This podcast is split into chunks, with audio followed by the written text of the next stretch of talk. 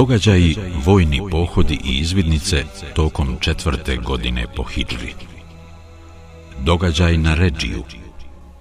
Ređi je izvor na teritoriji plemena Huzeil u pravcu prema Hidžazu, blizu područja koje se nalazi na putu između Meke i Usfana. Usfan je mjesto udaljeno oko 80 km sjeverozapadno od Meke. Vidjeti Jakut el Hamevi, Murđemul Buldan, 4 kroz 122 do 123. Tokom ove godine kod poslanika sallallahu alaihi veselem u Medinu dođoše predstavnici plemena Adal i Karra, koji rekoše da među njima već ima onih koji su primili islam i da imaju veliku želju da im on pošalje nekoliko učenih muslimana koji će ih poučavati islamu i islamskim propisima. Poslanik sallallahu alejhi ve sellem odazva se njihovoj molbi i posla šestericu ashaba. Merseda bin Ebu Merseda el Ganevija, Halida bin Bukeira el Leisija, Asima bin Sabita el Efsija, Hubejba bin Adija, Zejda bin Desinu el Bejadija i Abdullaha bin Tarika, saveznika klana Benu Zafer. Za zapovjednika poslanik sallallahu alaihi veselem odredi Merseda bin Ebu Merseda el Ganevija. Šesterica ashaba otputovaše sa dodijeljenim zadatkom, a kada stigoše do Ređija, iznenada ih napade jedna skupina istih tih ljudi koji su došli kod poslanika sallallahu alaihi veselem, tražeći da im pošalje nekoga ko će ih poučiti islamskim propisima. Napadači prethodno u pomoć pozvaše i Benu Lihjan, jedan ogranak plemena Huzeil, koji se spremno odazvaše i dođoše sa stotinu strijelaca, a potom zajednički napadoše šestericu muslimana koji se u nemogućnosti da se odupru toliko nadmoćnijem neprijatelju povukoše na obližnje brdo. Napadači pozvaše muslimane da se predaju, čvrsto im obećavši da im neće nanijeti nikakvo zlo, pa se neki uistinu i predaše. Asim bin Sabit el-Evsi odbi to učiniti i reče Tako mi Allaha neću se predati, jer ne vjerujem u obećanje nevjernika. Gospodaru naš, molim te da svome poslaniku preneseš vijest o nama. Nakon ovoga, Asim, Mersed i Halid pružiše otpor napadačima, te se protiv njih boriše sve dok sva trojica nisu poginula. Zeid, Hubejb i Abdullah su se predali, a napadači ih staviše u okove.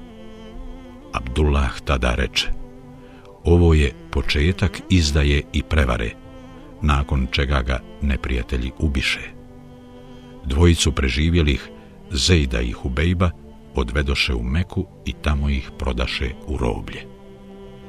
Hubejba kupiše potomci Harisa bin Amira bin Nefela s ciljem da ga pogube kao odmazdu, jer je Harisa baš Hubejb ubio u bici na Bedru. Držali su ga zatočenog u kući žene po imenu Muavija, sluškinje izvjesnog Huđeira bin Ebu Ihaba. Huđeir bin Ebu Ihab je bio bliski rođak Harisa kojeg je Hubejb ubio na Bedru. Dok je tako zatočen boravio u njenoj kući, zatražio je da mu posudi britvu kako bi njome obrijao svoja stidna mjesta, jer je smrt želio dočekati u besprijekorno čistom stanju. Ova žena dala je britvu jednom dječaku, kazavši mu da je preda Hubejbu. Dječak dođe do Hubejba i sjede mu u krilo. Kad žena ugleda dječaka kako sjedi u Hubejbovom krilu, zavrišta od straha, a Hubejb joj reče, bojiš se da ću ga ubiti? Ne brini, prevara i izdaja nama, muslimanima, nisu svojstvene. Nakon ovog slučaja ta žena je govorila, Nikada nisam vidjela boljeg i blagodarnijeg zatvorenika od Hubejba. Vidjela sam ga kako jede jedan grozd i to u vrijeme kada u Meki nije bilo ni jednog zrna grožđa. To nije bilo ništa drugo do obskrba kojom je Hubejba obskrbio uzvišeni Allah. Kada su ga izveli iz granica Harema i doveli do mjesta na kojem su smatrali da im je dozvoljeno da ga ubiju, Hubejb zamoli da mu dopuste da klanja dva rekata namaza prije nego što nad istim izvrše smrtnu kaznu, što mu oni i dopustiše. Arapi su i prije Islama poštovali zabranu ubijanja unutar granica Harema, to jest uskog pojasa oko Kabe. Kada bi nad nekim željeli izvršiti smrtnu kaznu, izveli bi ga van pojasa koji su smatrali svetim i nepovredivim i tamo ga pogubili. On je ujedno i prvi čovjek koji je klanjao dva rekata prije smaknuća, što je kasnije postalo legitimno, jer je poslanik sallallahu alaihi veselem čuo za taj njegov postupak i prešutno ga odobrio. Kasnije su slijedeći njegov primjer mnogi muslimani klanjali taj namaz prije nego bi nad njima bila izvršena smrtna kazna. Nakon što je klanjao dva rekata, Hubejb svojim dželatima reče Da se nisam plašio da ćete pomisliti kako se bojim smrti, ja bih klanjao mnogo duže.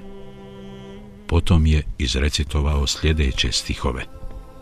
Ako ću ko musliman ja ubijen biti, baš me briga gdje ću i kako ću skončati, jer to smrt je u ime Allaha, koji, ako hoće, moj raskomadani leš, Mubarek on učinit će. Poslije ovih stihova Hubejb prouči sljedeću dovu. Gospodaru moj, ti ih sve sakupi, sve ih poubijaj i nikoga od njih na životu ne ostavi. Nakon toga nevjernici ga razapeše. Priđe mu Ukba bin Haris, s namjerom da mu zada smrtni udarac, te mu reče Da li bi volio da Muhammed sada zauzme tvoje mjesto, a da tebe oslobodimo? U nekim izvorima navodi se da mu je prišao i spomenuto pitanje postavio Ebu Sufjan, a ne Ukba bin Haris. A Hubejb mu odgovori Ne bih, tako mi Allaha, ako bi moje oslobođenje bilo uvjetovano time da Muhammeda samo trn ubode, ja ni tada ne bih poželio da budem oslobođen. Ukba ga potom ubi. Tako Hubejb ispusti svoju plemenitu dušu, Allah joj se smilovao i njome bio zadovoljan. Cijeli događaj o zatočeništvu i smaknuću Hubejba bilježi Buhari, sahih broj 3045. Što se tiče Asima bin Sabita Elevsija, nevjernici poslaše nekoga da im donese njegovu glavu, kako bi je unovčili kod žene po imenu Sulafa bin Saad. Naime, Asim je u bici na Uhudu ubio njena dva sina, nakon čega se ona zavjetovala da će piti vino iz Asimove lobanje. Međutim, kada su željeli prići Asimovom tijelu, oko njega se okupiše pčele koje spriječiše nevjernike da mu odrube glavu. Sulafa bin Sa'd je obećala nagradu od stotinu deva za glavu Asima bin Sabita Elevsija. Ovoj su ženi u bici na Uhudu poginuli muž i četiri sina, od kojih je Asim ubio dvojicu. U nekim izvorima navodi se da se oko tijela Asima bin Sabita okupio veliki roj skakavaca, a ne pčela. Onemogućeni da učine šta su naumili, oni sačekaše noć, kako bi opet pokušali dokopati se Asimove glave. Ali, kada je nastupila noć, odnekud se pojavi bujica koja odnese Asimovo tijelo, te nevjernici ostadoše praznih ruku. Tako je uzvišeni Allah ispunio Asimov zavjet da, dok je živ, neće dodirnuti mušrika, niti će ga dodirnuti mušrik. Svevišnji Allah spriječio je nevjernike da dodirnu Asimovo tijelo nakon njegove smrti, kao što ih je spriječio da ga dodirnu i dok je još bio živ. Zejda bin Desinu kupio je Safvan bin Umeja s namjerom da ga pogubi, jer je Zejd u bitci na Bedru ubio njegovog oca Umeju bin Halefa, koji je nakon pogibije bačen u napušteni bunar. Safvan je sa Zejdom poslao svoga slugu po imenu Nistas, te mu naredio da ga odvede u Tenim i tamo ga pogubi. Kada je Nistas izašao iz granica Harema i stigao na zacrtano odredište, upitao je Zejda. Allahom te kunem da mi odgovoriš na sljedeće pitanje.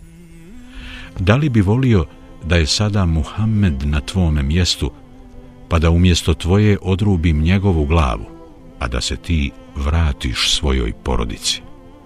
Na šta mu Zeid odgovori, ne bih poželio da Muhameda sada ubode trn tamo gdje se nalazi, a da sam ja među svojom porodicom. Čuvši ove riječi, Ebu Sufjan, koji je bio među Kurejšijama, koji su došli prisustvovati ovom pogubljenju, reče Nikada nisam vidio da neko nekoga voli onoliko koliko Muhammeda vole njegovi drugovi. Potom je Nistas pogubio Zejda, koji ispusti svoju dušu i preseli u okrilje Allahove neizmjerne milosti i njegovog zadovoljstva. Jedan od čudnih događaja koji se mogu svrstati u keramete, to jest počasti koje je uzvišeni Allah ukazao Hubejbu radi Allahu Anhu, jeste to da bi se Sejd bin Amir, čovjek koji je prisustvovao Hubejbovom pogubljenju i koji će kasnije primiti islam, onesvijestio svaki put kada bi pomislio na Hubejba ili ga spomenuo. Kada je do Omera radijallahu Anhu doprla vijest o ovome, on je upitao Sejda u vezi s tim, a on mu odgovori, da, to je istina.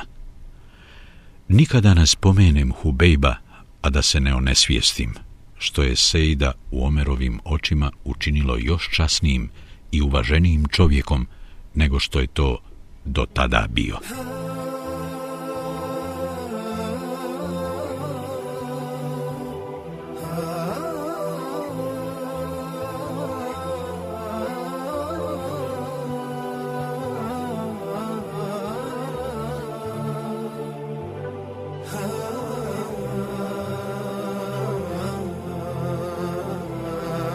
Događaj kod bunara Meuna Četvrte godine po poslanikovoj sallallahu alaihi veselem blagoslovljenoj hijđri desio se jedan stravičan događaj kod bunara Meuna. Na ovoj lokaciji kao plod izdaje i zavjere život je izgubilo 70 ashaba koji su se ubrajali u najvrednije i posebno cijenjene i odabrane drugove Muhammeda sallallahu alaihi veselem. Ovom pokolju prethodio je sljedeći događaj. Ebu Bera Amir bin Malik, kojih su još zvali i Mulaibul Esinna, došao je u Medinu kod poslanika sallallahu alaihi veselem, koji mu pojasni i predstavi islam i njegova načela, a zatim ga i pozva u islam. Mulaibul Esinna bukvalno znači vješti kopljonoša ili onaj koji vrlo vješto barata kopljem. Međutim, ovaj to odbi, ali se nalazio na granici da to učini. Rekao je, o Muhammede, predlažem ti da stanovnicima Neđda pošalješ neke svoje ashabe koji će ih pozvati u ono u šta ti pozivaš. Mislim da bi ti se oni mogli odazvati. Poslanik sallallahu alejhi ve sellem reče: Ja strahujem da bi im stanovnici Nežda mogli nauditi. A Ebu Berra mu uzvrati.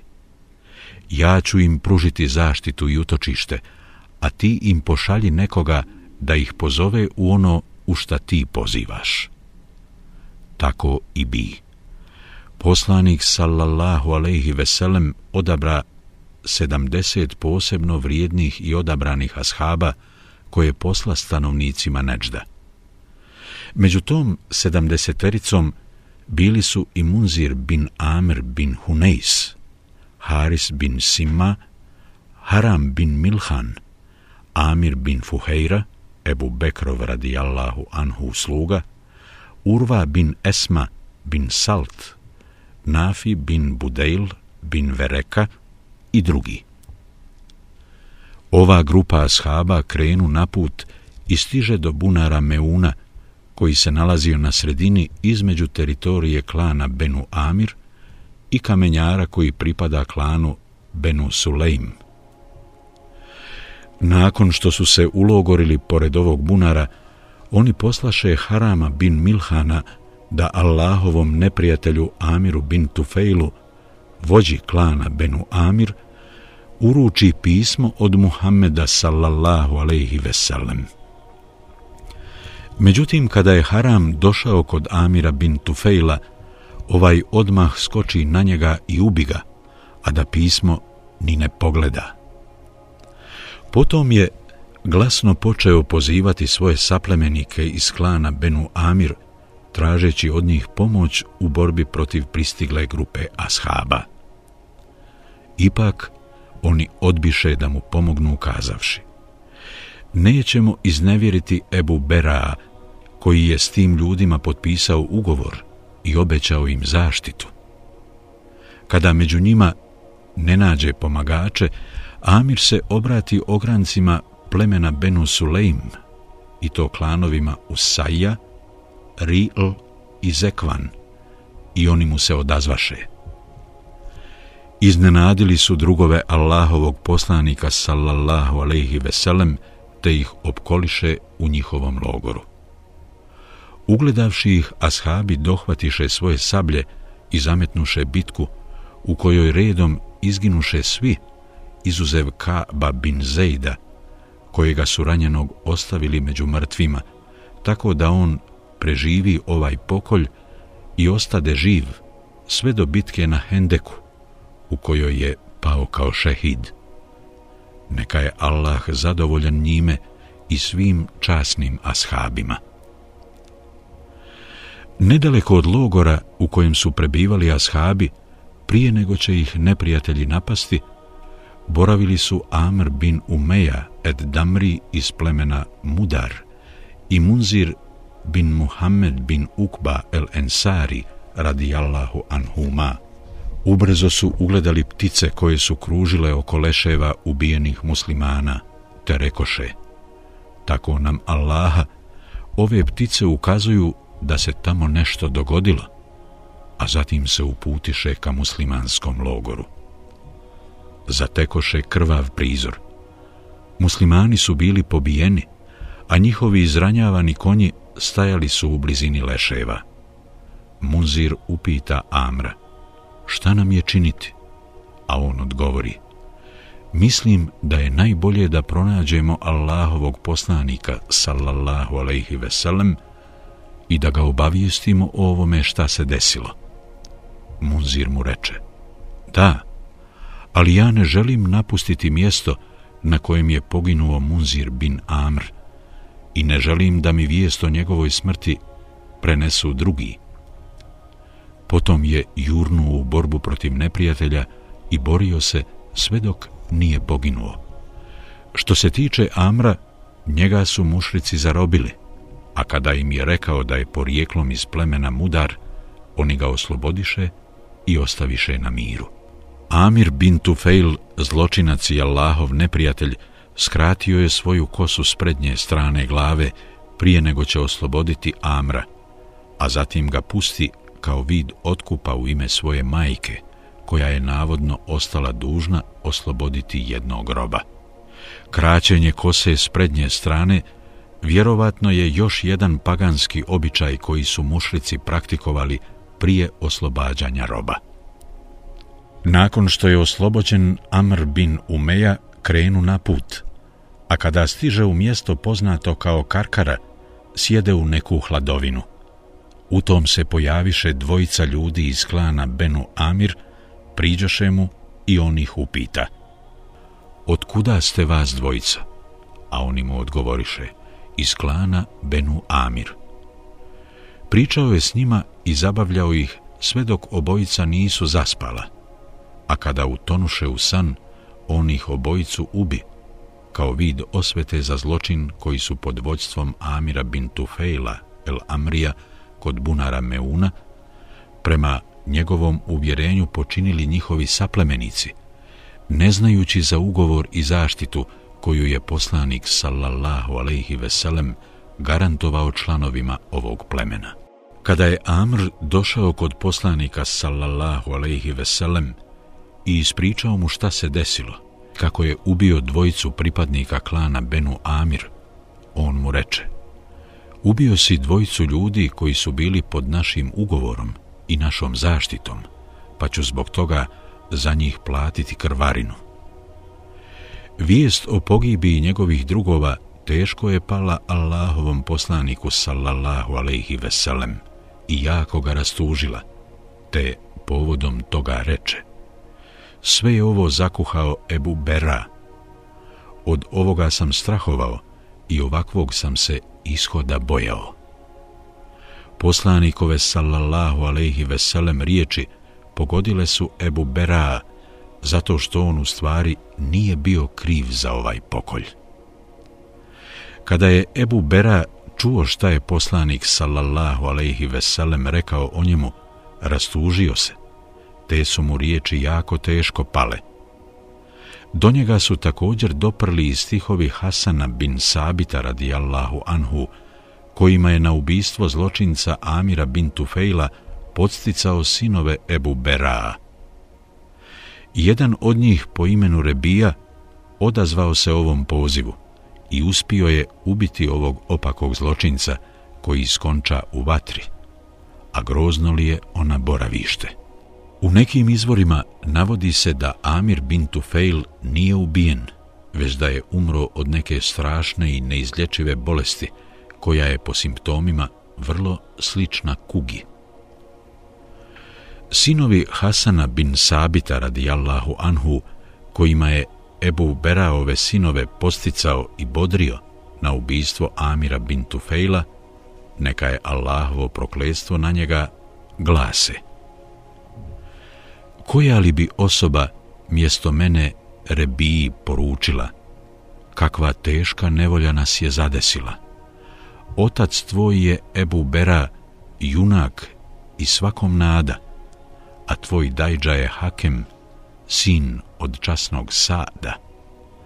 O potomci Umul Benin, zar vas briga nije? A vi ste prvaci Neđda, gospoda i Delije. To što se Amir sebu Beraom ismijava, on ga je iznevjerio, a greška nije isto što i namjera. Umul Benin, što doslovno znači majka djece, bio je nadimak Ebu Beraove majke Lejle bint Amir, koja je pored njega imala još četiri sina, Tufejla, Ubejda, Muaviju i Rebiju.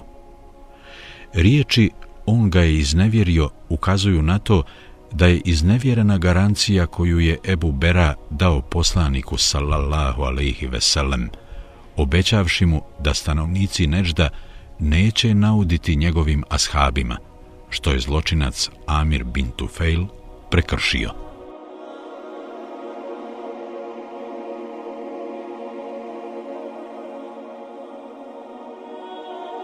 Zaključci, pouke i poruke Prvo, samo uzvišeni Allah poznaje gajb, nevidljivo i nepoznato, i samo je njemu poznato na koji način će se odvijati događaj u budućnosti da je vjerovjesnik sallallahu alejhi ve sellem poznavao sudbinu, on svoje ashabe ne bi poslao u ovu misiju u kojoj su svi izginuli.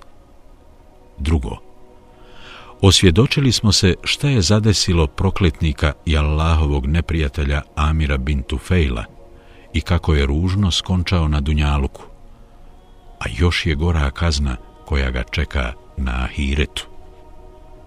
Treće, ukazano je na vrline i visoko mjesto koje zauzima plemeniti ashab Munzir bin Muhammed bin Ukbab el Ensari, koji se sam upustio u bitku s neprijateljima, želeći kao šehid poginuti na Allahovom putu.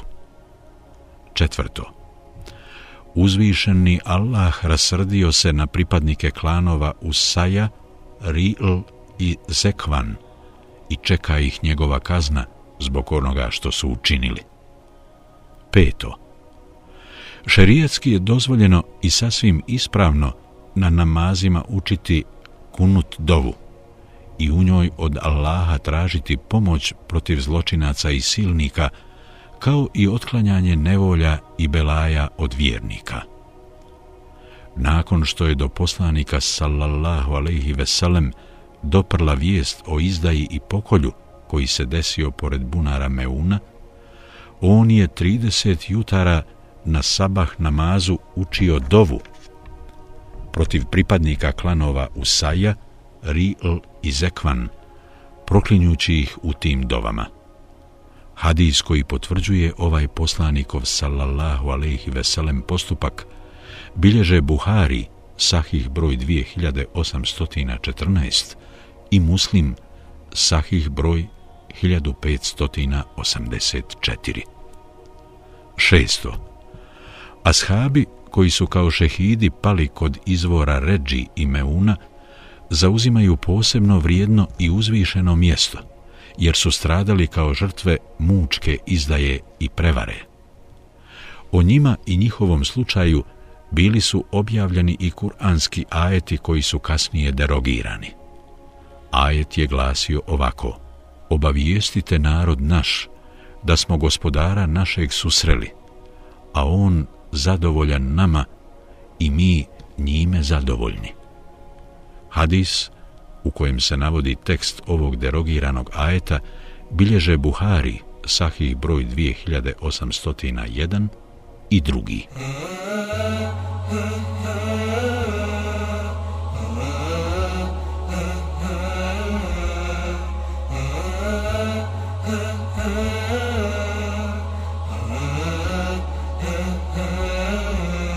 Izvidnica Amra bin Umeje et Damrija s ciljem likvidacije Ebu Sufjana. Ebu Sufjan je dugo bio bijesan zbog svih propalih pokušaja ubistva poslanika sallallahu alaihi veselem. Neuspješan je bio u tom naumu u nedavno vođenoj bici na Uhudu, koja ga je koštala veoma mnogo novca i truda, a u koju je krenuo sa željom i nadom da će se Muhammedu sallallahu alaihi veselem osvetiti za sve one koji su mu bili bliski, a ubijeni su i porobljeni u bitci na Bedru. Zbog toga je počeo kovati krajnje podmukao plan. Želio je poslati nekoga ko će izvršiti atentat na poslanika sallallahu alaihi veselem. Jednom prilikom svojim drugovima reče ko će izvršiti atentat na Muhammeda, jer on se slobodno kreće po ulicama i pijacama i tako mu se za sve osvetiti. Čim to Ebu Sufjan reče, priđe mu jedan beduin i zajedno s njim uđe u njegovu kuću, a potom mu kaza, ako me opremiš, ja ću otići kod Muhameda i ubiti ga. Ja sam iskusan i vješt vodič i u stanju sam da se vješto i kriomice krećem i prihradam. Sa sobom ću ponijeti mali bodež, lagahan kao perce. Ebu Sufjan mu reče, e, takav nam čovjek treba. Potom mu dade devu i sredstva i opremivši ga za put reče, nikome ništa ne govori o ovome, jer bojim se da bi neko nešto mogao saznati i o tome obavijestiti Muhammeda. Beduin mu kaza, za ovo niko ne zna niti će saznati, a zatim noću krenu na put i u roku od šest dana stiže u Medinu. Svoju devu privezao u mjestu koje je naseljavao klan Benu Abdul Eshel, a zatim krenu u potragu za Muhammedom sallallahu alaihi veselem. Ugleda ga u džami među njegovim ashabima kako im nešto govori. Kada je ušao u džamiju, poslanik sallallahu alaihi veselem ugleda ga i reče Ovaj je čovjek došao sa zlom i podlom namjerom. Allah će me zaštititi od onoga što je naumio. Beduin zastade i glasno upita Ko je od vas Abdul Mutalibov unuk? A poslanik sallallahu alaihi veselem odgovori Ja sam Abdul Mutalibov unuk. Beduin se polahko poče približavati poslaniku sallallahu alaihi veselem, želeći mu prići s lijeve strane. Usaid bin Hudajr radijallahu anhu zgrabi ga i povika. Odmakni se od Allahovog poslanika. Dohvatio ga je sa unutrašnje strane njegovog izara u kojem pronađe bodež, nakon čega povika. Allahov poslaniče, ovo je uljez i izdajica. Povikom, moja krv, moja krv, o Muhammede, Beduin je želio iskazati strah za svoj život i tražiti milost. Usejd ga uhvati za vrat i poče ga tresti, a poslanik sallallahu alaihi veselem reče Budi iskren i reci mi ko si i sa kojom si namjerom došao. Ako iskreno odgovoriš, to će ti koristiti, a ako me slažeš, ja ću i onako saznati tvoje namjere. Beduin ga upita, ako tako postupim, poštedjet ćeš me? Da, poštedjet ću te i bit ćeš ostavljen na miru, odgovori poslanik sallallahu alaihi veselem. Beduin mu zatim potanko ispriča sve o tome kako ga je Ebu Sufjan bin Harb poslao sa zadatkom da ubije poslanika sallallahu alaihi veselem i šta mu je zauzvrat obećao. Poslanik sallallahu alaihi veselem izda naređenje da ovaj beduin bude pritvoren kod Usejda bin Hudajra, a sutradan naredi da mu ga dovedu. Tada mu poslanik sallallahu alaihi veselem reče Ja sam te sačuvao od svake neprijatnosti, a sada ili idi kuda god želiš ili učini ono što je za tebe bolje. A šta je to, upita Beduin. Posvjedoči da nema drugog Boga osim Allaha i da sam ja njegov poslanik, odgovori Muhammed sallallahu alaihi veselem. Beduin tada reče, ja svjedočim da nema Boga osim Allaha i svjedočim da si ti u istinu Allahov poslanik. O Muhammede, kunem ti se Allahom da nikada nisam strahovao od ljudi, ali kada sam tebe ugledao, izgubio sam razum i osjetio slabost i nemoć. To je bilo zato što si ti pomoću objave saznao moju namjeru. Kako niko nije znao za moj i Ebu Sufjanov dogovor, vijest o tome niko ti nije mogao prenijeti. I shvatio sam napokon da si zaštićen i da ti neću moći nauditi. Shvatio sam i to da si ti na istini, a da su Ebu Sufjan i njegovi ljudi šeitanova stranka.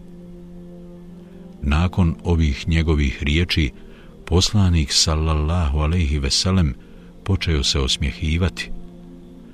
Beduin je još nekoliko dana ostao u Medini, a potom je od vjerovjesnika sallallahu alaihi veselem zatražio dozvolu da ode. Kada je dozvolu dobio, otišao je i za njega se više nikada ništa nije čulo. Poslije Ebu Sufjanovog neuspjelog pokušaja da ga likvidira, poslanik sallallahu alaihi veselem u Meku posla Amra bin Umeju ed Damrija i još jednog ensariju. Neki historičari navode da je to bio Selema bin Eslem bin Haris. naredivši im da ubiju Ebu Sufjana bin Harba. Pripovjedajući šta se dešavalo, Amr bin Umeja ed Damri kaže Krenuo sam na put vodeći sa sobom jednu devu, a društvo mi je pravio još jedan čovjek sa kojim sam na putu dijelio i devu i svu opremu koju sam ponio. Jahali smo tako zajedno, sve dok nismo stigli u dolinu Jedžeđ, gdje u obližnjem klancu sveza smo devu. Tada svome saputniku rekoh, odvedi nas do Ebu Sufjana da ga ubijemo. Ako se nečega bojiš, uzjaši ovu devu i prodruži se Allahovom poslaniku sallallahu alaihi veselem. Obavijesti ga šta se desilo, a mene ostavi samoga i prođi me se. Nastavljajući svoju priču, Amr kaže Ušli smo u Meku, a ja sam kod sebe imao bodež pripremljen da njime ubodem svakog onog ko bi me pokušao odvratiti od mog nauma. Tada mi moj saputnik reče Šta misliš da prvo obavimo tavaf i klanjamo dva rekata namaza? A ja mu odgovorih Stanovnici Meke uveče vodom prskaju svoja dvorišta, a nakon toga u njima sjede. Ja ih vrlo dobro poznajem. Nastavili smo hodati sve dok ne dođo smo do Kabe. Obavili smo tavaf i klanjali dva rekata, a potom smo se udaljili. Prošli smo pored jedne skupine kurejšija koji su sjelili. Neko od njih me poznade, te iz sve glasa povika – ovo je Amr bin Umeja. U tom sve Mekelije pohrliše k nama vičući. Ovaj je došao samo sa nekom zlom namirom. Tada rekoh svome prijatelju, evo, desilo se ono od čega sam strahovao. Što se tiče Ebu Sufjana, sada nismo u mogućnosti da mu naudimo. Zbog toga spašavajmo glavu. Žurno smo napustili Meku, ne zaustavljajući se sve dok se nismo popeli na jedno brdo. Ušli smo u obližnju pećinu u kojoj provedo smo noć, čekajući da se potraga za nama utiša. Tako mi Allaha, dok smo tako boravili u toj pećini, odnekud se, jašući na konju, pojavi Osman bin Malik et Tejmi, te se zaustavi na ulazu u pećinu. Ja skočih na njega i izbodoh ga nožem, a on vrisnu toliko glasno da njegov krik čuše stanovnici Meke i krenuše u našem pravcu, a ja se vratih u pećinu. Još uvijek je davao znakove života kada su ga pronašli na mjestu na kojem je pao. Upitaše ga koga je ubo, a on odgovori Amr bin Umeja, međutim umro je prije nego im je uspio kazati gdje se krijem. Pogibija njihovog druga odvratila ih je od daljnje potrage za mnom, tako da ga odnesoše, a mi ostado smo u pećini još dva dana, sve dok se potraga za nama nije utišala. Poslije toga krenuli smo ka Ten Imu i na tom putu naiđo smo na sanduk u kojem je ležalo tijelo Hubejba bin Adija. Hubejb bin Adij radijallahu anhu zarobljen je na Ređiju, a kasnije pogubljen, o čemu je već bilo govora. Prišuljao sam se sanduku i uprtio ga na leđa. Noseći ga tako, prešao sam svega četrdesetak koraka kada me čuvari spaziše i dadoše se u potiru za mnom bacih sanduk i počeh bježati, a oni su me pratili sve dok se nisu umorili, nakon čega se vratiše.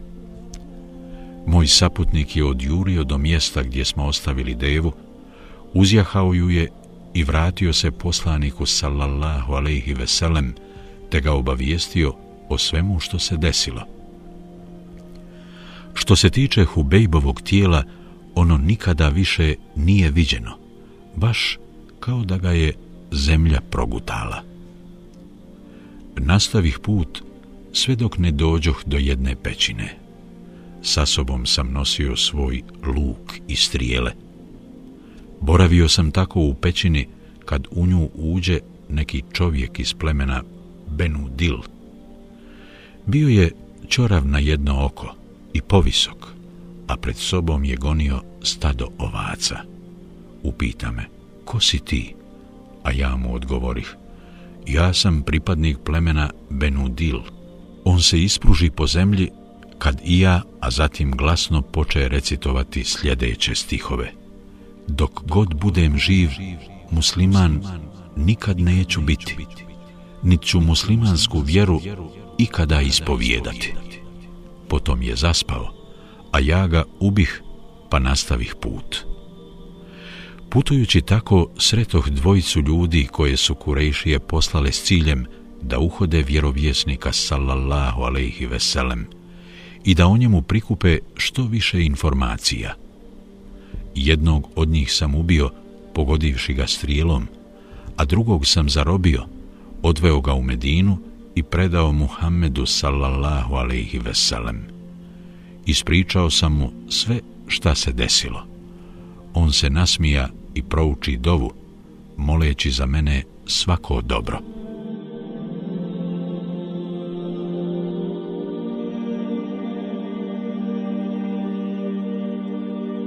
Zaključci, pouke i poruke Prvo, dozvoljeno je i šerijatski legitimno neprijateljima uzvratiti istom mjerom o čemu je objavljen i sljedeći kuranski ajet. وَإِنْ عَاقَبْتُمْ فَعَاقِبُوا بِمِثْلِ مَا عُوقِبْتُمْ بِهِ وَلَئِنْ Ako hoćete da na nepravdu uzvratite, onda učinite to samo u onolikoj mjeri koliko vam je učinjeno. En-Nahl 126 Ebu Sufjan je taj koji je prvi poslao čovjeka da ubije poslanika sallallahu alejhi ve sellem. Pa mu je Muhammed sallallahu alejhi ve sellem uzvratio istom mjerom, poslavši Amra da pokuša ubiti njega. Drugo, kroz događaje koje smo opisali, najjasnije se očituje neminovnost sudbine i Allahovog određenja, jer je uzvišeni Allah unaprijed odredio da Ebu Sufjan primi islam i postane jedan od članova islamskog ummeta. I ne samo to, već je odredio da bude jedan od časnih i plemenitih ashaba. Neka je uzvišeni Allah zadovoljan svima njima.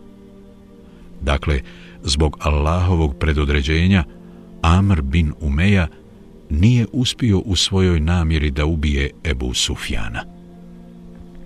Treće, Amr je bio izuzetno hrabar i neustrašiv čovjek, a ta neustrašivost koja ga je krasila rijetko se viđa kod ljudi. Isto tako on prednjači pred mnogima zbog činjenice da je Allahov poslanik sallallahu alejhi ve sellem za njega od Allaha tražio svako dobro. Četvrto, propaganda bilo koje vrste ostavlja vrlo jak utisak na ljude i na njih djeluje izuzetno snažno. To se vrlo jasno može zaključiti iz postupka jednog običnog pastira kakav je bio čovjek kojeg je Amr ubio u pećini. Naime, vidjeli smo da je čak i on pjevušio stihove u kojima se navodno odricao muslimana i kategorički odbijao svaku pomisao da bi ikada mogao primiti islam. Peto. Još jednom smo se uvjerili koliko su daleko kurejšije išli u nastojanju da se suprostave širenju islama i koliko su se trudili da utrnu njegovo svjetlo. Međutim, u tome uzvišenom Allahu hvala nisu imali nikakvog uspjeha.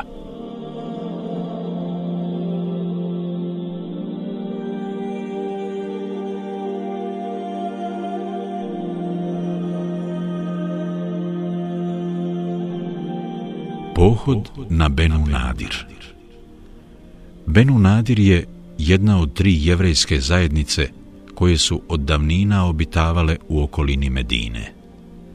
Kada je stigao u Medinu, Allahov je poslanik sallallahu alejhi ve sellem sa svim tim zajednicama postigao dogovor i potpisao sporazum o nenapadanju, koji su prvi prekršili članovi plemena Benu Kajnuka, druge godine po Hidžri, odmah nakon bitke na Bedru, o čemu je prethodno bilo govora. Kako smo već vidjeli, Allahov poslanik sallallahu alejhi ve sellem poštedio je članove plemena Benu Kajnuka zbog posredovanja njihovog saveznika Abdullaha bin Ubeja, nakon čega su oni kolektivno napustili Medinu i smjestili se u Ezirat na teritoriji Šama, gdje su nedugo zatim izumrli. Slično plemenu Benu Kajnuka i pleme Benu Nadir prekršilo je ugovor o primirju i nenapadanju. I to nakon što su skovali plan da ubiju Allahovog poslanika sallallahu alaihi veselem, ne tajeći niti skrivajući mnogo svoje podmukle namjere. Poslije krvave bitke na Uhudu, u Medinu kao posjetilac pristiže Ebu Bera el Amiri i sastade se sa Allahovim poslanikom sallallahu alaihi veselem, koji mu predstavi i ponudi islam, ali ovaj niti odbi, niti prihvati ponudu, već mu reče Muhammede, a šta misliš da nam pošalješ nekog od tvojih dobrih drugova kako bi moj narod pozvali u to u šta ti pozivaš? Jer ja priželjkujem i nadam se da će ti se odazvati i prihvatiti tvoju ponudu. Muhammed sallallahu alaihi veselem prvo izrazi strah i zabrinutost za svoje drugove, ustručavajući se da ih pošalje. Međutim, kada mu je Ebu Bera obećao da će ih on staviti u svoju zaštitu i kada mu je garantovao da ih nikakvo zlo neće snaći, Allahov poslanik sallallahu alaihi veselem pristade i posla sedamdeset svojih najučenijih i najodabranijih drugova. Potom se desio pokolj kod bunara Meuna, u kojem su kao šehidi pali svi iz ove skupine, o čemu je već bilo riječi. Isto smo spomenuli i to da je Amr bin Umeja tada zarobljen i da ga je potom zločinac Amir bin Tufail oslobodio, nakon čega je on pri povratku u Medinu sreo dvojicu pripadnika klana Benu Amir, koje je ubio kao vid osvete za pogibiju svojih drugova kod bunara Meuna, ne znajući da su članovi ovog plemena sa poslanikom sallallahu alaihi veselem sklopili sporazum. Kada je Amr obavijestio poslanika sallallahu alaihi veselem o tome šta je učinio, on je obećao da će isplatiti krvarinu za njih. U istinu, ubrzo u Medinu dođaše rođaci dvojice ubijenih i zatražiše isplatu krvarine. Jedna od tački sporazuma koji je poslanik sallallahu alaihi veselem potpisao sa jevrejima bila je ta da su obje strane, to jest i muslimani i jevreji, obavezni zajednički učestvovati u isplati krvarine za ubijenog, bilo da je za ubijstvo kriv neko od muslimana ili neko od jevreja. To je i bio razlog da poslanik sallallahu alejhi ve sellem zajedno sa Ebu Bekrom i Omerom radijallahu anhuma ode u posjetu plemenu Benu Nadir, zahtijevajući od njih da daju svoje učešće u isplati ove krvarine, pozivajući se pritome na tačku sporazuma u kojoj je regulisano ovo pravilo. Kada je stigao u njihovo naselje, Allahov poslanik sallallahu alejhi ve sellem spomenu im razlog svog dolaska, a oni se pokazaše srdačnim i ljubaznim, te iskazaše svoju spremnost da učestvuju u isplati krvarine. Ugostiše ga u hladu jednog zida ispred kuće jednog od njih, smjestivši ga među pripadnike svoga plemena. Formalno su pokazivali da istinski žele udovoljiti njegovom zahtjevu. Međutim, sve je to bila gluma. U suštini, radilo se o zavjeri s ciljem da ga ubiju kazaše Divna li je ovo prilika koja se možda više nikada neće ponoviti? Hajde da ga ubijemo i da ga se jednom zauvijek riješimo. Kao izvršitelja ovog zločina odrediše čovjeka po imenu Amr bin Džehaš, koji reče Ja ću to obaviti. Dogovoriše se da se popnu na zid podno kojeg je poslanik sallallahu alaihi veselem sjedio, te da odatle na njega bace žrvanj i tako ga ubiju. Selam bin Miškem, jedan od prisutnih jevreja, pokušao ih je odvratiti od tog nauma, govoreći im da to ni pošto ne čine. Međutim, oni su već čvrsto odlučili da svoj pakleni plan sprovedu u dijelo. Ipak, svega nekoliko trenutaka prije nego što će pristupiti izvršenju svoga nauma, uzvišeni Allah objavom obavijesti svoga poslanika o njihovoj namjeri, te on ustade sa mjesta na kojem je sjedio, pazeći pritom da njegov postupak izgleda kao da želi izvršiti neku svoju potrebu i žurno se vrati u Medinu. Kada prisutni ashabi primijetiše da se poslanik sallallahu alejhi ve sellem već dugo vremena ne vraća, ustadoše i krenuše za njim.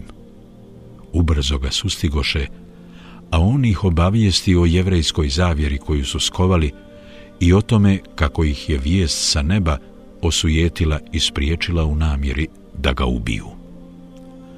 U vezi sa ovim događajem, uzvišeni Allah objavi sljedeći ajet. Ja ejuha allazina amanu zkuru ni'mata Allahi alaikum idh hamma qavmun an jabsutu ilaikum ajdijahum fakaffa ajdijahum ankum vattaku Allah.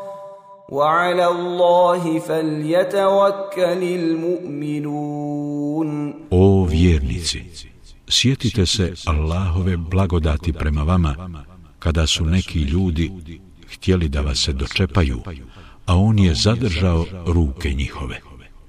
I bojite se Allaha i neka se vjernici samo u Allaha pouzdaju. El Maida 11 Situacije slične ovoj dešavale su se i dešavaće se još mnogo puta, a pri svakoj od njih je lijepo da vjernici citiraju ovaj ajet koji nas podsjeća na Allahovu blagodat i njegovu neizmjernu dobrotu koju ukazuje iskrenim vjernicima, pa oni zbog toga trebaju biti strpljivi i iskreno samo njemu robovati. Nakon ovog događaja Allahov poslanik sallallahu alejhi ve sellem posla Muhammeda bin Meslemu kao izaslanika plemenu Benu Nadir s naređenjem da moraju što prije napustiti područje Medine i iseliti se iz njene okoline, jer više nisu uživali njegovu zaštitu zbog toga što su prekršili prethodno sklopljeni sporazum.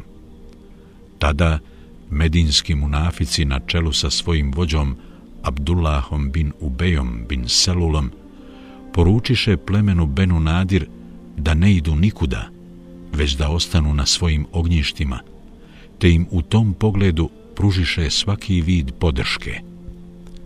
Uzvišeni Allah objavio je sljedeće ajete u vezi sa ovim događajem. ألم تر إلى الذين نافقوا يقولون لإخوانهم الذين كفروا من أهل الكتاب لئن أخرجتم لنخرجن معكم ولا نطيع فيكم أحدا أبداً ولا نطيع فيكم احدا ابدا وان قوتلتم لننصرنكم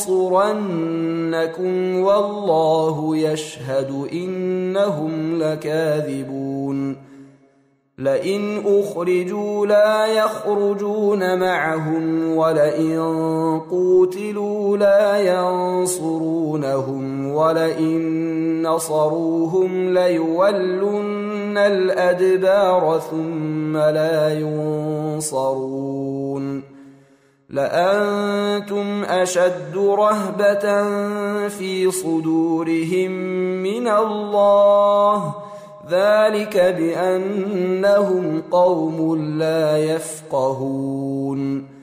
لا يقاتلونكم جميعا إلا في قرى محصنة أو من وراء جدر. بأسهم بينهم شديد. تحسبهم جميعا وقلوبهم شتى. ذلك بانهم قوم لا يعقلون كمثل الذين من قبلهم قريبا ذاقوا وبال امرهم ولهم عذاب اليم Zar ne vidiš kako licemjeri govore svojim prijateljima, sljedbenicima knjige koji ne vjeruju? Ako budete protjerani, mi ćemo sigurno s vama poći. I kada se bude ticalo vas, nikada se nikome nećemo pokoriti. A ako budete napadnuti, sigurno ćemo vam u pomoć priteći. A Allah je svjedok da su oni zaista lašci. Ako bi bili protjerani, oni ne bi s njima pošli.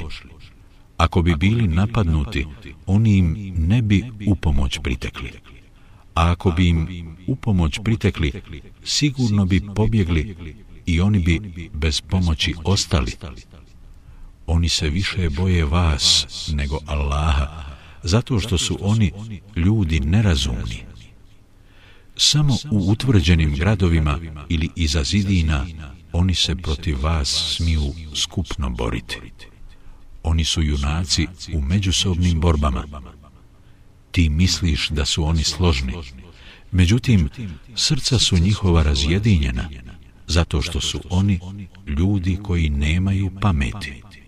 Slični su onima koji su tu nedavno svu pogubnost postupaka svojih iskusili. Njih čeka nesnosna patnja. El Hašr 11 do 15 Riječi slični su onima koji su tu nedavno svu pogubnost postupaka svojih iskusili, odnose se na jevrejsko pleme Benu Kajnuka, koje je prije njih protjerano i Allahovom voljom u potpunosti uništeno. Kada su pripadnici ovog jevrejskog plemena zbog bodrenja munafika da odustanu i da nikuda ne idu, odbili poslušati poslanikovu sallallahu alaihi ve sellem naredbu da su obavezni iseliti se i napustiti šire medinsko područje, najveći od svih vladara i vojskovođa, Allahov odabranik i miljenik Muhammed sallallahu alaihi ve sellem oglasi rat protiv njih i sa vojskom im krenu u susret. A kao svoga zamjenika u Medini ostavi Abdullah bin Umu Mektuma radijallahu anhu. Jevreji su se zabarikadirali u svojim utvrdama, pa ih je poslanik sallallahu alejhi ve sellem u opsadi držao otprilike 15 dana. Za vrijeme opsade zaprijeti im da će spaliti i posjeći njihove palmovike. I zaista neki muslimani ovu prijetnju sprovedoše u djelo te neke palme spališe, a druge posjekoše. Među vjernicima je bilo onih koji osjetiše u sebi tegobu zbog ovog postupka, pogotovo zbog toga što su jevreji Muhammedu sallallahu alaihi veselem poručili Znamo da zabranjuješ nered i da prekoravaš svakog onog koga čini, pa zbog čega onda dozvoljavaš spaljivanje palmovika? Povodom toga uzvišeni Allah je objavio. Ma qata'tum min linatin aw taraktumuha qa'imatan 'ala usuliha fa bi idhnillahi wali fasiqin. To što ste neke palme posjekli ili ih da uspravno stoje ostavili, Allahovom voljom ste učinili i zato da on nevjernike ponizi. El Hašr 5 Na koncu, jevreji se predaše i podčiniše poslanikovoj sallallahu alaihi veselem volji da sa njima učini kako želi, a on odredi da moraju napustiti Medinu i da imaju pravo sa sobom ponijeti svoj imetak, osim oružja koje su bili dužni ostaviti, kako se njime ponovo ne bi borili protiv muslimana. Tako oni na deve natovariše svu pokretnu, pa čak i neku u osnovi nepokretnu imovinu, jer je među njima bilo i onih koji su srušili svoje kuće, kako bi neke dijelove poput greda sa krova ili dovratka ponijeli sa sobom.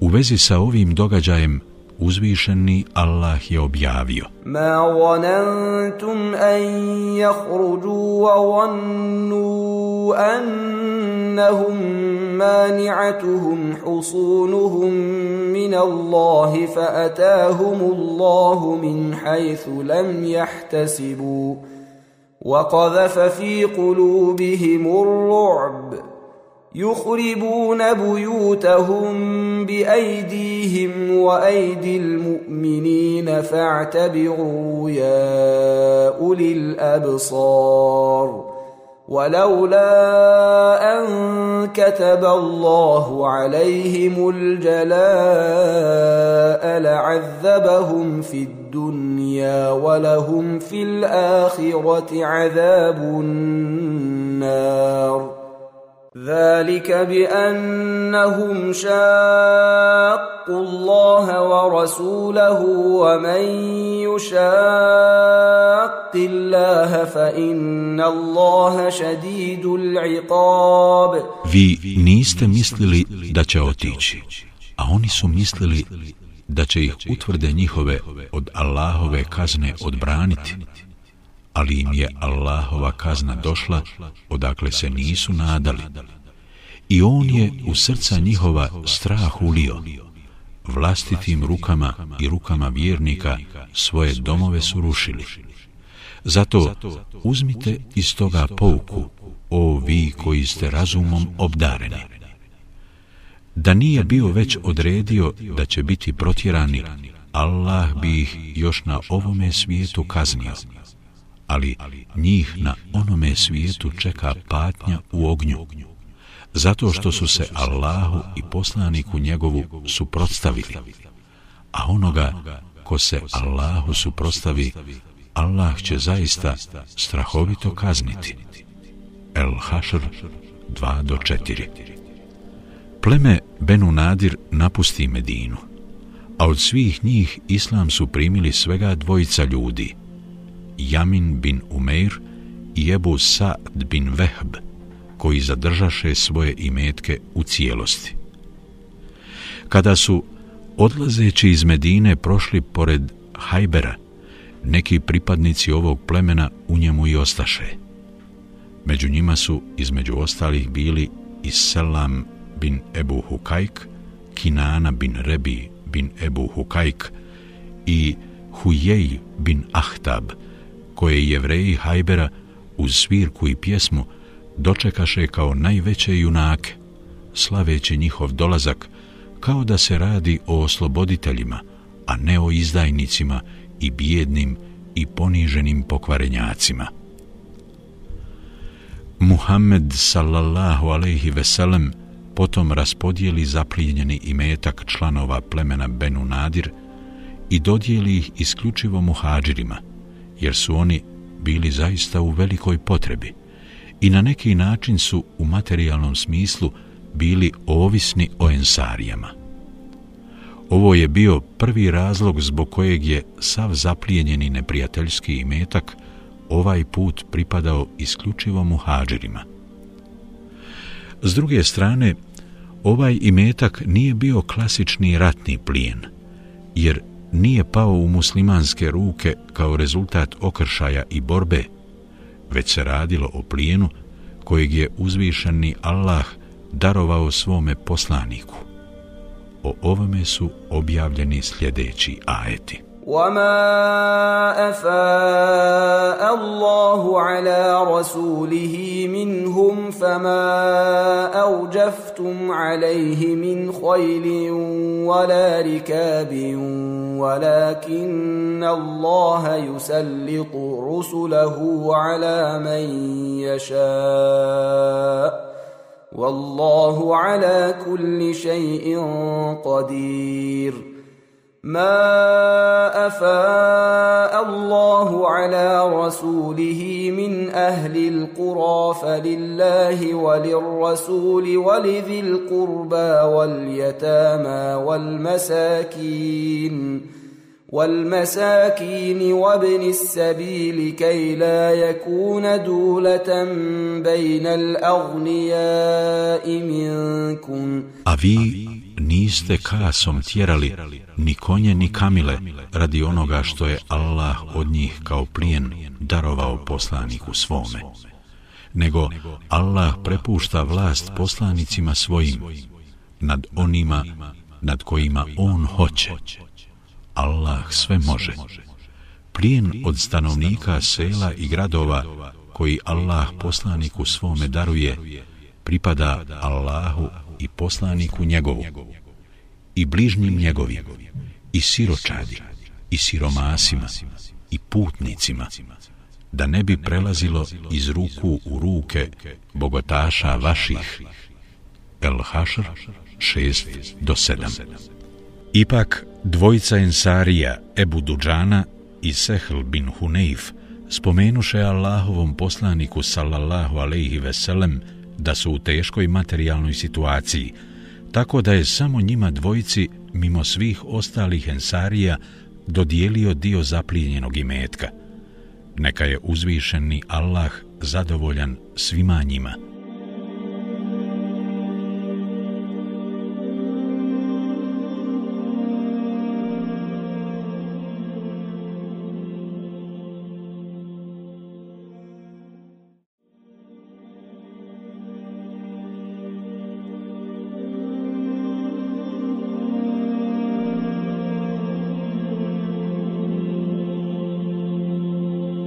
Poseban ibret i pouka.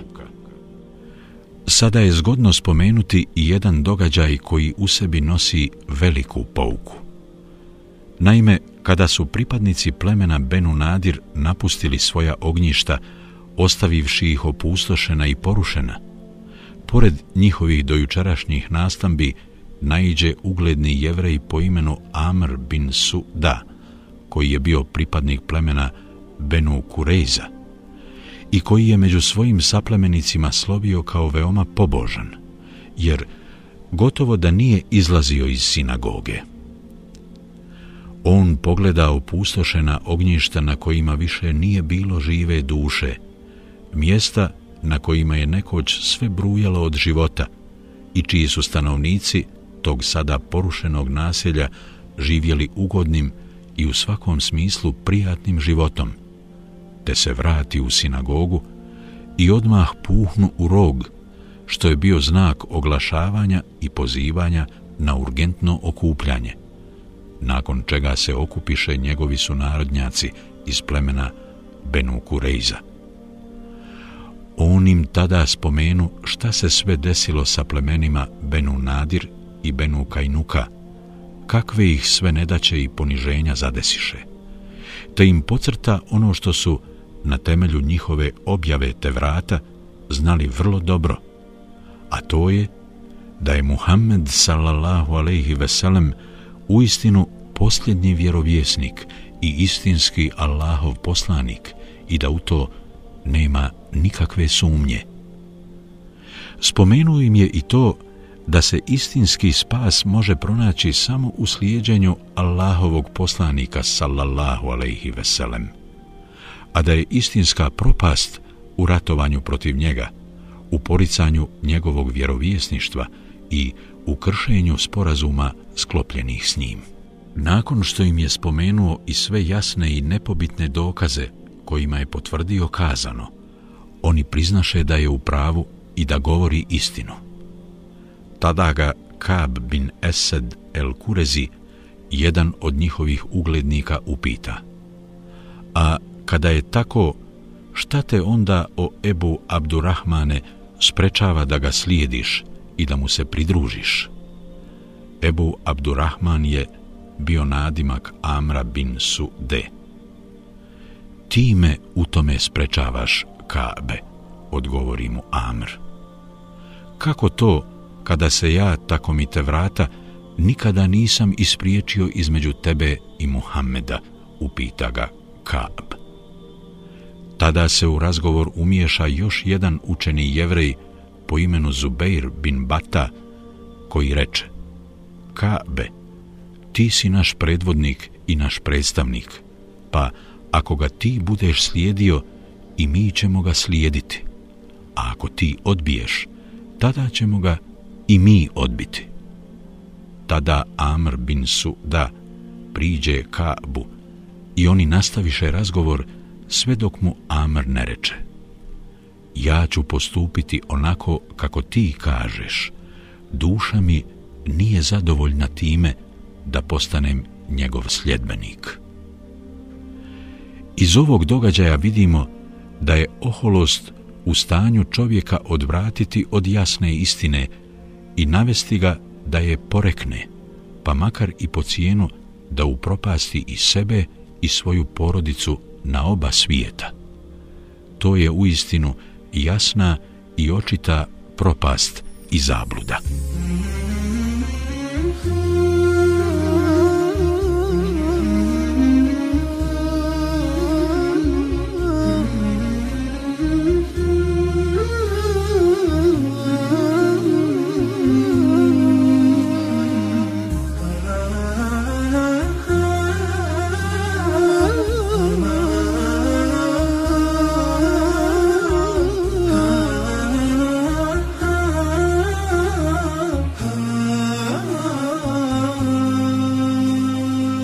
Pohod na zator Rika.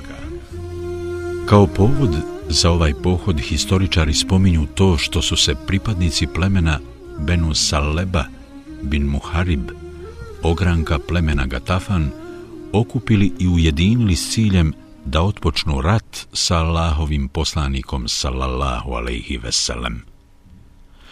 Kada je do Muhammeda sallallahu alaihi veselem doprla ova vijest, on im pođe u susret na čelu vojske koja je brojala 400 boraca, a u Medini je kao svoga zamjenika imenovao Ebu Zera el Gifarija ili Osmana bin Mazuna radijallahu anhuma. Muhammed sallallahu alaihi veselem tako na čelu vojske krenu ka Neđdu, teritoriji koju su naseljavala ova dva klana – a kasnije se ulogoriše u Nahli, koja je teritorijalno pripadala plemenu Gatafan. Kada su pripadnici spomenuta dva klana čuli da im poslanik sallallahu alejhi ve sellem sa vojskom ide u susret, razbježaše se po okolnim brdima, tako da do sukoba nije došlo. Ovaj pohod nazvan je Zatur Rika, bitka u zakrpama, zato što su se ashabi na putovanju kao odredištu naizmjenično smjenjivali na devama, pa su po šesterica naizmjenično jahali jednu devu, što znači da su većinu puta prepješačili. Imajući u vidu da je bilo ljeto i da je vreli pijesak pržio noge, umotavali su stopala u krpe i komade platna kako bi se zaštitili od vreline pustinskog pijeska. Zbog toga je ovaj pohod i nazvan tim imenom. U toku ovog pohoda desilo se nekoliko značajnih i zanimljivih događaja. Prvo, Allahov poslanik sallallahu alejhi ve sellem odlučio je provesti noć sa svojim ashabima u obližnjem tjesnacu, a kao stražare odabrao je dvojicu ljudi. Prvi iz reda muhađira bio je Ammar bin Jasir, a drugi iz reda Ensarija bio je Abbad bin Bišir. Njima je prepustio da sami dogovore oko toga ko će stražariti početkom, a ko krajem noći, tako da Ensarija Abad odabra da on prvi čuva stražu. Jedno je vrijeme stražario, a zatim poče da klanja noćni namaz tokom kojeg je učio suru El Kehf. Dok je tako klanjao, prišulja mu se neki lovac iz neprijateljskih redova i pogodi ga strijelom. Abad iščupa strijelu iz svoga tijela i nastavi klanjati. Strijelac ga pogodi još jednom strijelom, a on je opet iščupa kao i prvi put, te nastavi sa namazom. A kada ga je pogodio i treći put, Amar se probudi i ugleda kako krv teče iz Abadovog tijela, pa ga upita šta se desilo, a on mu sve ispriča. Amar ga potom upita, a zašto me nisi probudio? Na šta mu Abad odgovori, učio sam suru, pa mi je bilo žao da je prekinem, sve dok je ne završim. Nakon što me strijelac nastavio pogađati, otišao sam na ruku, izgovorivši naglas tekbir, kako bih te upozorio. Tako mi Allaha, da se nisam bojao da ću u opasnost dovesti naš logor u ovom klancu, za kojeg mi je poslanik sallallahu alaihi veselem naredio da ga budno čuvam, prije bih umro nego što bih prekinuo učenje sure ili prije nego što bih je završio. Drugo, čovjek po imenu Gavres bin Haris porijeklom iz plemena Gatafan reče svojim drugovima Želite li da ubijem Muhameda? Svakako da želimo, odgovoriše oni. Dočekat ću ga u zasjedi i iznena da ga ubiti, reče im. Potom ode za muslimanskom vojskom prateći ih kriomice. Nakon nekog vremena vojska se ulogorila u jednoj dolini u kojoj je bilo mnogo drveća, a vojnici se raziđoše po okolini tražeći pogodno mjesto za odmor u hladovini.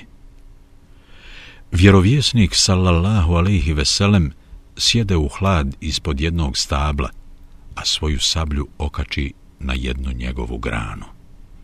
Tada Gavres priđe nečujno i kriomice, uze je poslanikovu sallallahu alaihi veselem sablju u ruke i suka je i reče O Muhammede, ko će te danas od mene zaštititi? Poslanik sallallahu alaihi veselem pogleda ga, a potom odgovori Allah će me od tebe zaštititi čuvši ove riječi, Gavrez se sruči na tlo, a sablja mu ispade iz ruku. Uzevši sablju u ruku, Muhammed sallallahu alaihi veselem upita, a ko će tebe danas zaštititi od mene? Niko, odgovori Gavres. Potom sjede ispred Allahovog poslanika sallallahu alaihi veselem i obeća mu da se nikada više neće boriti protiv njega. Poslije ode nazad svojim sunarodnjacima kojima ispriča šta se desilo, te mnogi od njih primiše islam. Treće, deva koju je jahao Džabir bin Abdullah radijallahu anhuma, toliko se iznurila da više nije bila sposobna da ide kako treba, već se praktično vukla po zemlji. Dok je Džabir stajao pored deve koja je klečala, naiđe Allahov miljenik sallallahu alaihi veselem i reče mu Dodaj mi svoj bič, te uze njegov bič i njime malo udari devu koja odmah skoči na noge i krenu tako energično i brzo da je skoro prestigla sve ostale deve. Kako bi se malo sa njim zabavio i našalio, Allahov poslanik sallallahu alejhi ve sellem reče Džabiru: "A da mi prodaš svoju devu, Džabire?" Džabir mu odgovori: "Dajem ti je na poklon Allahov poslaniče. Međutim, poslanik sallallahu alaihi veselem ne pristade da je uzme kao poklon, već reče, ipak mi je prodaj. Potom su se formalno cjenkali sve dok cijena nije porasla do vrijednosti kojom je Džabir radijallahu anhu bio zadovoljen. Prilikom prodaje deve, Džabir je postavio uvjet da on na njoj jaše sve dok ne stignu u Medinu, a onda će je predati poslaniku sallallahu alaihi veselem, s čime se on složi. Kada su stigli u Medinu, Džabir dovede devu i natjera je da klekne u blizini poslanikove sallallahu alaihi veselem kuće, a onda nekom od prisutnih reče da ode do Allahovog poslanika sallallahu alaihi veselem i obavijesti ga o tome da mu je on po dogovoru doveo devu. Kada je do Muhammeda sallallahu alaihi veselem doprla ova vijest, on reče Ammaru, evo ti ovaj novac, pa ga predaj džabiru i reci mu da zadrži i devu, jer ona meni uopće nije potrebna. Tako je džabir dobio i novac i devu, nakon čega se najsrdačnije zahvali uzvišenom Allahu i njegovom poslaniku na ukazanim blagodatima. Buhari, Sahih broj 2097, Muslim, Sahih broj 715.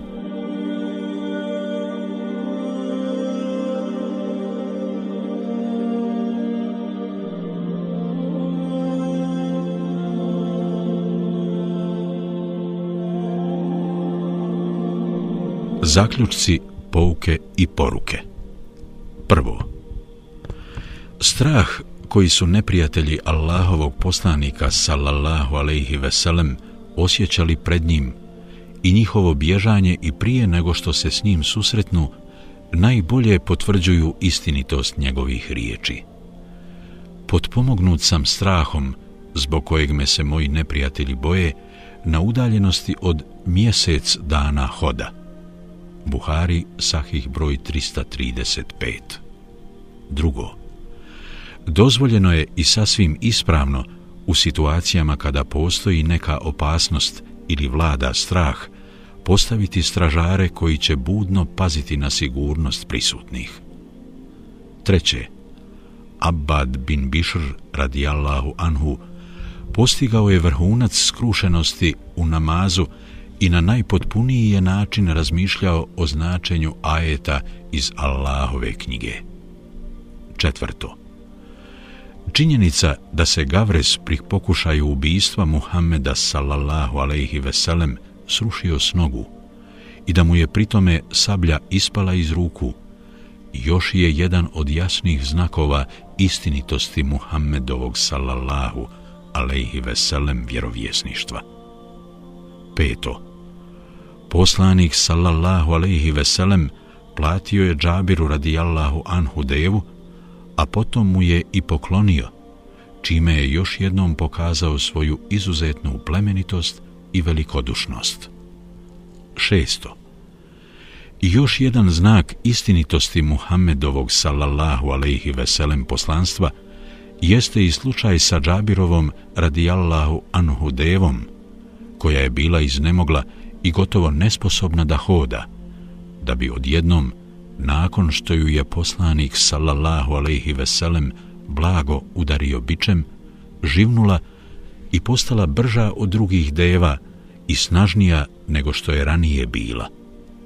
To je naravno bila posljedica bereketa poslanikovog sallallahu alaihi veselem udarca, kao i njegove želje da se deva oporavi i vrati snagu koju je izgubila.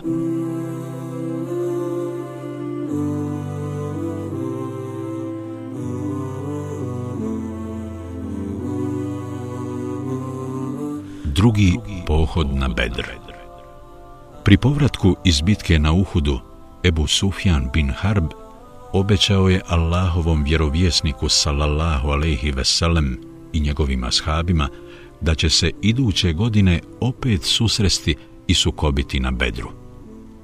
Nakon što im je to obećao, reče im, potvrdite da će se tako i desiti. A oni mu rekoše, da, obećavamo ti da ćemo se s tobom susresti iduće godine.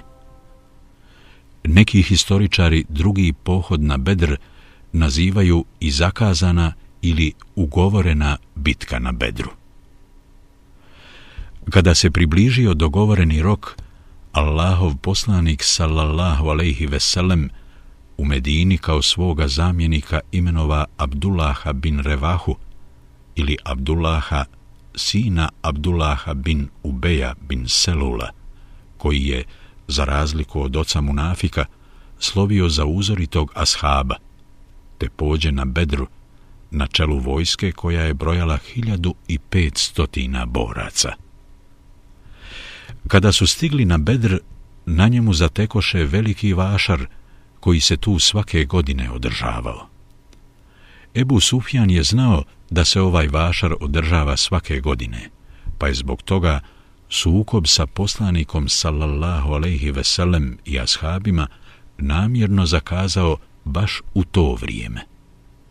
Vjerovatno je Ebu Sufjan izabrao dane vašara kako bi prisutnima na vašaru pokazao svoju silu i moć tako što bi porazio muslimane.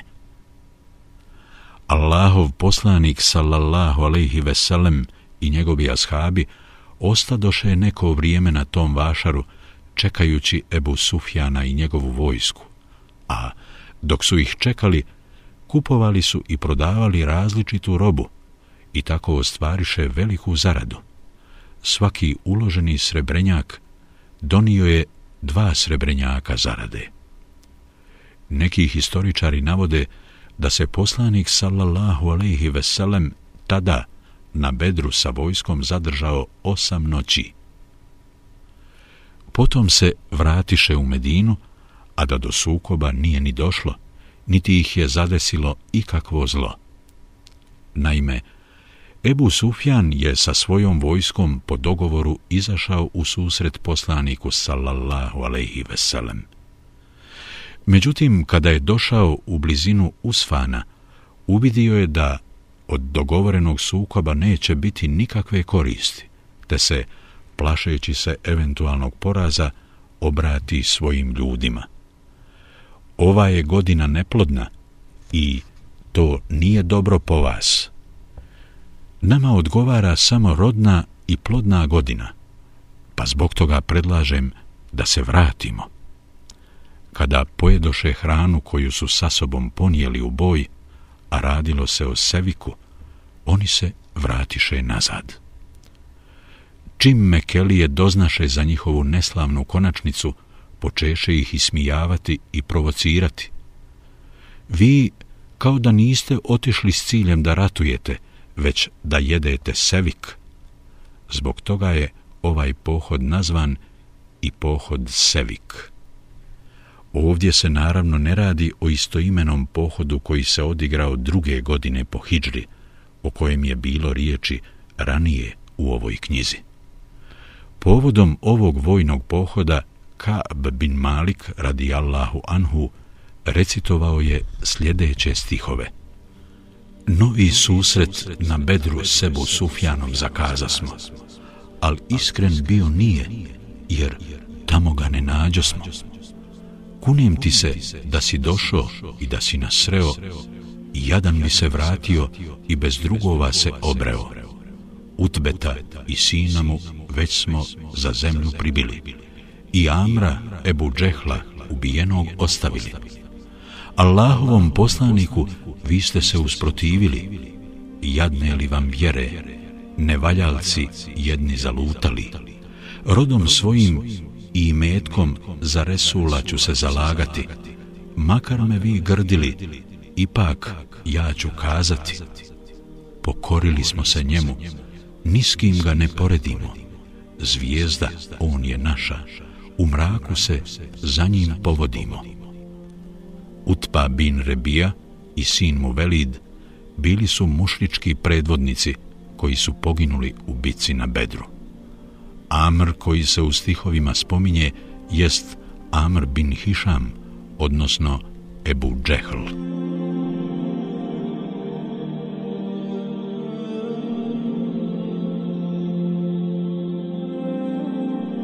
Zaključci, pouke i poruke Prvo, Muhammed sallallahu alaihi veselem ispunio je dato obećanje, čime je pokazao veliku hrabrost koja se vrlo teško pronalazi među ljudima. On se nije pobojao niti ustuknuo kako se to desilo sa Ebu Sufjanom, koji se u Meku vratio uplašen. Treće, i ovaj događaj, baš kao i prethodni, potvrđuje istinitost poslanikovih sallallahu alaihi veselem riječi.